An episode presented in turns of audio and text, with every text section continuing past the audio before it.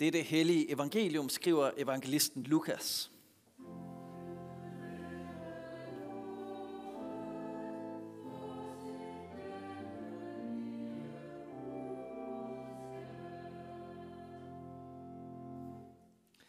Hvert år tog Jesu forældre til Jerusalem til påskefesten. Også da han var blevet 12 år, drog de derop, som det var skik ved festen. Da påskedagene var omme, og de skulle hjem, blev drengen Jesus i Jerusalem, uden at hans forældre vidste det. I den tro, at han var i rejsefølget, kom de en dags rejse frem og ledte efter ham blandt familie og bekendte. Da de ikke fandt ham, vendte de tilbage til Jerusalem for at lede efter ham der. Og efter tre dage fandt de ham i templet, hvor han sad midt blandt lærerne, lyttede til dem og stillede dem spørgsmål. Alle, der hørte det, undrede sig meget over hans indsigt og de svar, han gav. Da forældrene fik øje på ham, blev de slået af forundring. Og hans mor sagde til ham, Barn, hvorfor gjorde du sådan mod os? Din far og jeg har let efter dig og været ængstlige. Men han sagde til dem, Hvorfor ledte I efter mig? Vidste I ikke, at jeg var være hos min fader? Men de forstod ikke, hvad han sagde til dem. Så fulgte han med dem tilbage til Nazareth, og han var lydig mod dem. Hans mor gemte alle ordene i sit hjerte, og Jesus gik frem i visdom og vækst og yndest hos Gud og mennesker.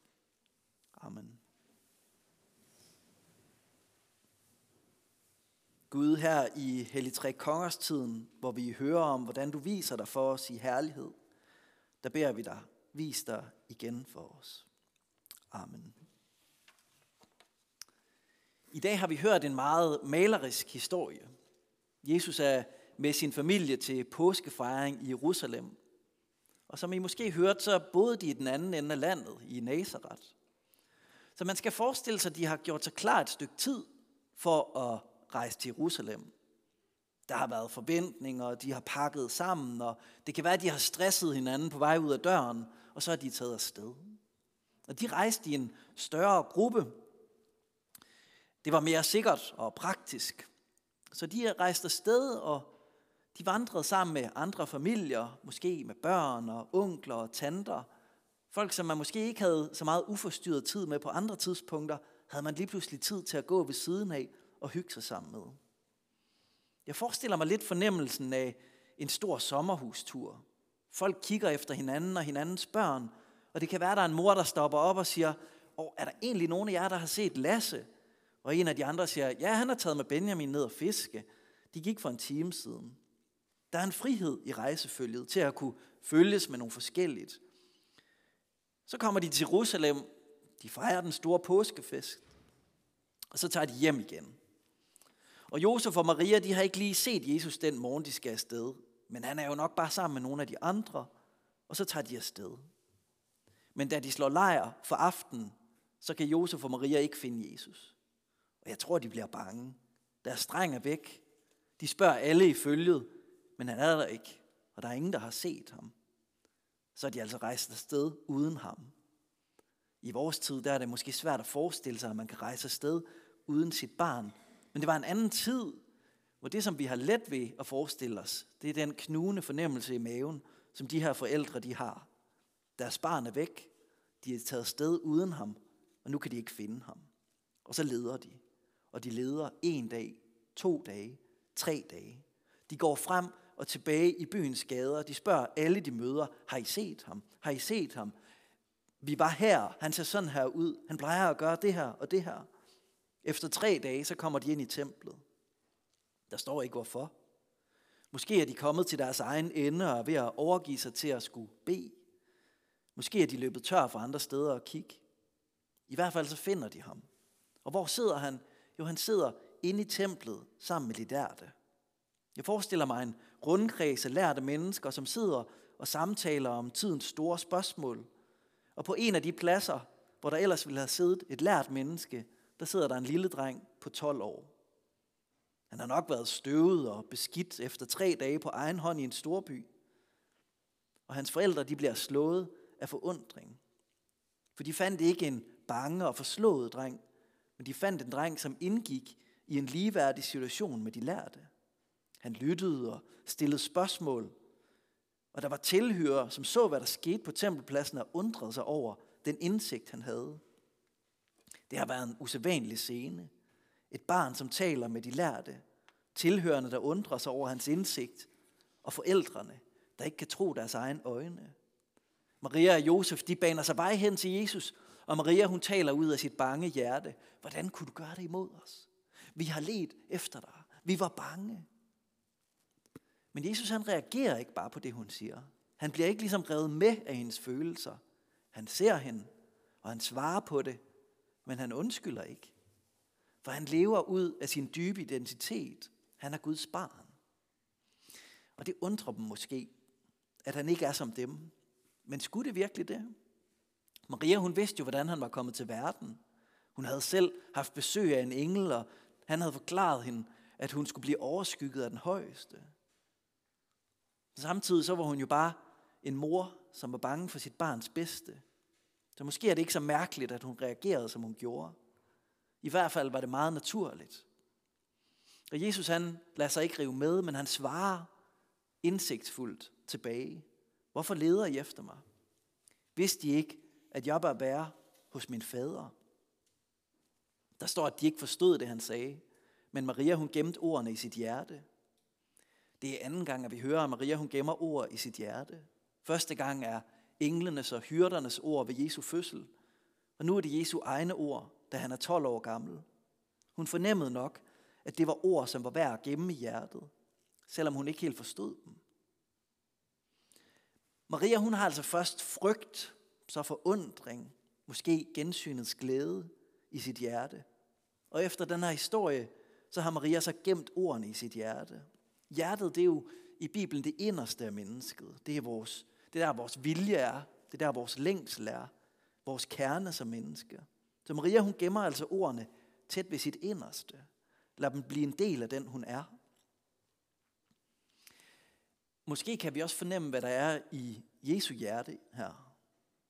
Jeg læste fra salme 84 før, hvor der står, hvor er din bolig vidunderlig, herskers herre. Min sjæl fortæres af længsel efter Herrens foregård.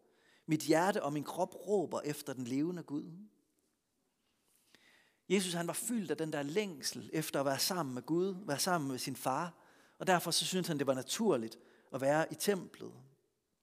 Jeg tror, vi alle sammen har en længsel efter Gud. Og jeg tror, vi oplever den forskelligt. Men der er mange, der kan genkende sig i ordene af Augustin, som lyder, for du har skabt os til dig selv, og vores hjerte er uroligt, indtil det finder hvile i dig. For jøderne, der havde de fået et tempel, hvor Gud han havde knyttet sit løfte og sit nærvær, så det var helt naturligt for dem at gå hen i templet, når de skulle søge Gud. Der blev de mindet om Guds nåde og langmodige historie med dem. Og her kunne de altså tilbe, for eksempel med ordene fra salme 84. Mit hjerte og min krop råber efter den levende Gud. De havde fået templet netop til de bønder og til den tilbedelse. Og Jesus, som var Guds søn, han søgte sin far, og han oplevede det naturligt og godt at være der og deltage i det liv, som udsprang sig der. Og hvad skal vi så lære af det her i dag? Jamen, dels kan vi jo se noget om, hvem Jesus han er. At han allerede fra barns ben var et særligt menneske, som søgte sin far, som levede ud af sin identitet som Guds barn, og som kunne tale med autoritet. Vi kan også se, at hjertet er det samme. Vi har et hjerte, som kan være fyldt med mange følelser som Marias. Vi kan gemme ord i det. Og måske har vi også et hjerte som Jesus, som længes efter Gud. Så hjertet og længslen er den samme. Men der er jo også nogle ting, der er helt anderledes. Så nu vil jeg give jer nogle teologiske tanker, som I kan tage med jer i dag. Fordi noget af det, som vi kan se her, det er jo, at adgangen til Gud, den er drastisk ændret. Jesus han har skaffet os adgang til Gud.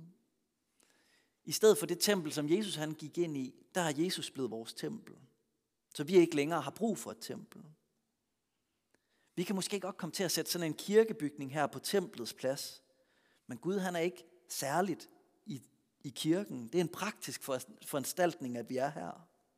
Vi har alle sammen lige adgang til Gud.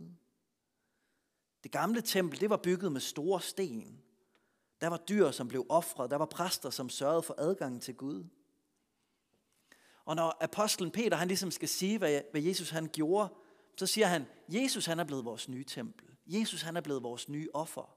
Og i Hebræerbrevet der står der, at Jesus han er blevet vores ypperste præst. Så Jesus han har fået alle de der roller fra det gamle tempel. Han er blevet det sted, hvor vi mødes med Gud. Han er selv blevet det offer, som skaffer os adgang til Gud. Og han er også blevet vores præst, altså mellemmanden til Gud, eller den, der går i forbøn for os. Og hvis man så læser i 1. Peters brev videre, så siger han faktisk også noget om os i den forbindelse.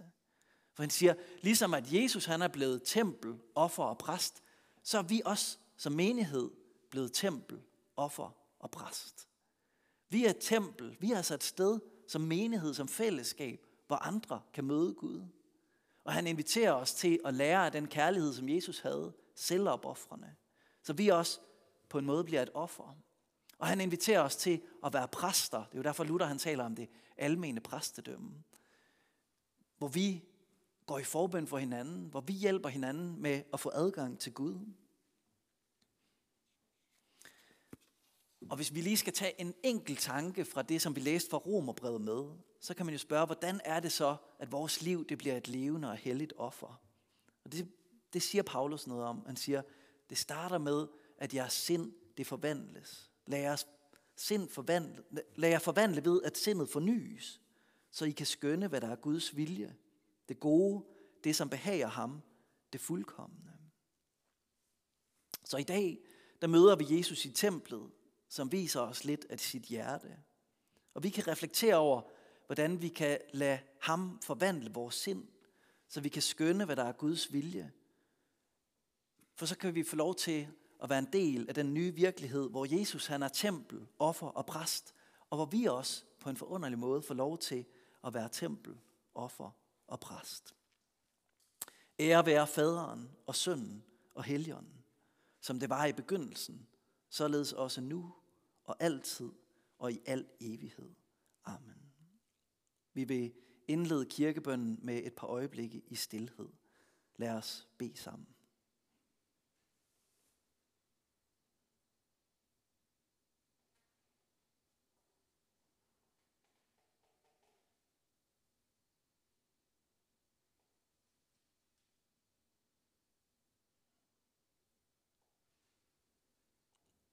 Jesus, tak, at du er vores tempel. Tak, at vi må møde dig lige der, hvor vi er. Jesus, tak, at du er vores offer. Tak, at vi kan komme til dig med tomme hænder. Jesus, tak, at du er vores præst, som går i forbøn for os hos faderen. Og Jesus, lær os at ligne dig. Og vi beder for de syge, Kom med din helbredende og trøstende ånd. Vi beder for de anfægtede og de ængstlige. Vil du komme ind i hjertet med frimodighed og fred. Vi beder for kirken. Velsign og bevar dine hellige sakramenter, og lad dit ord have frit løb i blandt os. Må dit rige med retfærdighed og fred og glæde i helligånden udbredes og vokse.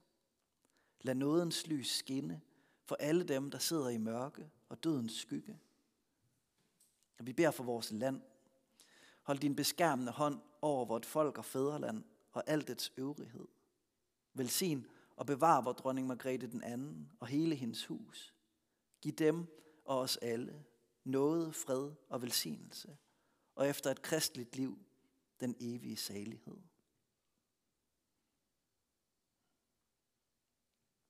Lad os med apostlen tilønske hinanden. Hvor Herre Jesu Kristi nåde, Guds kærlighed og Helligåndens fællesskab være med os alle. Amen.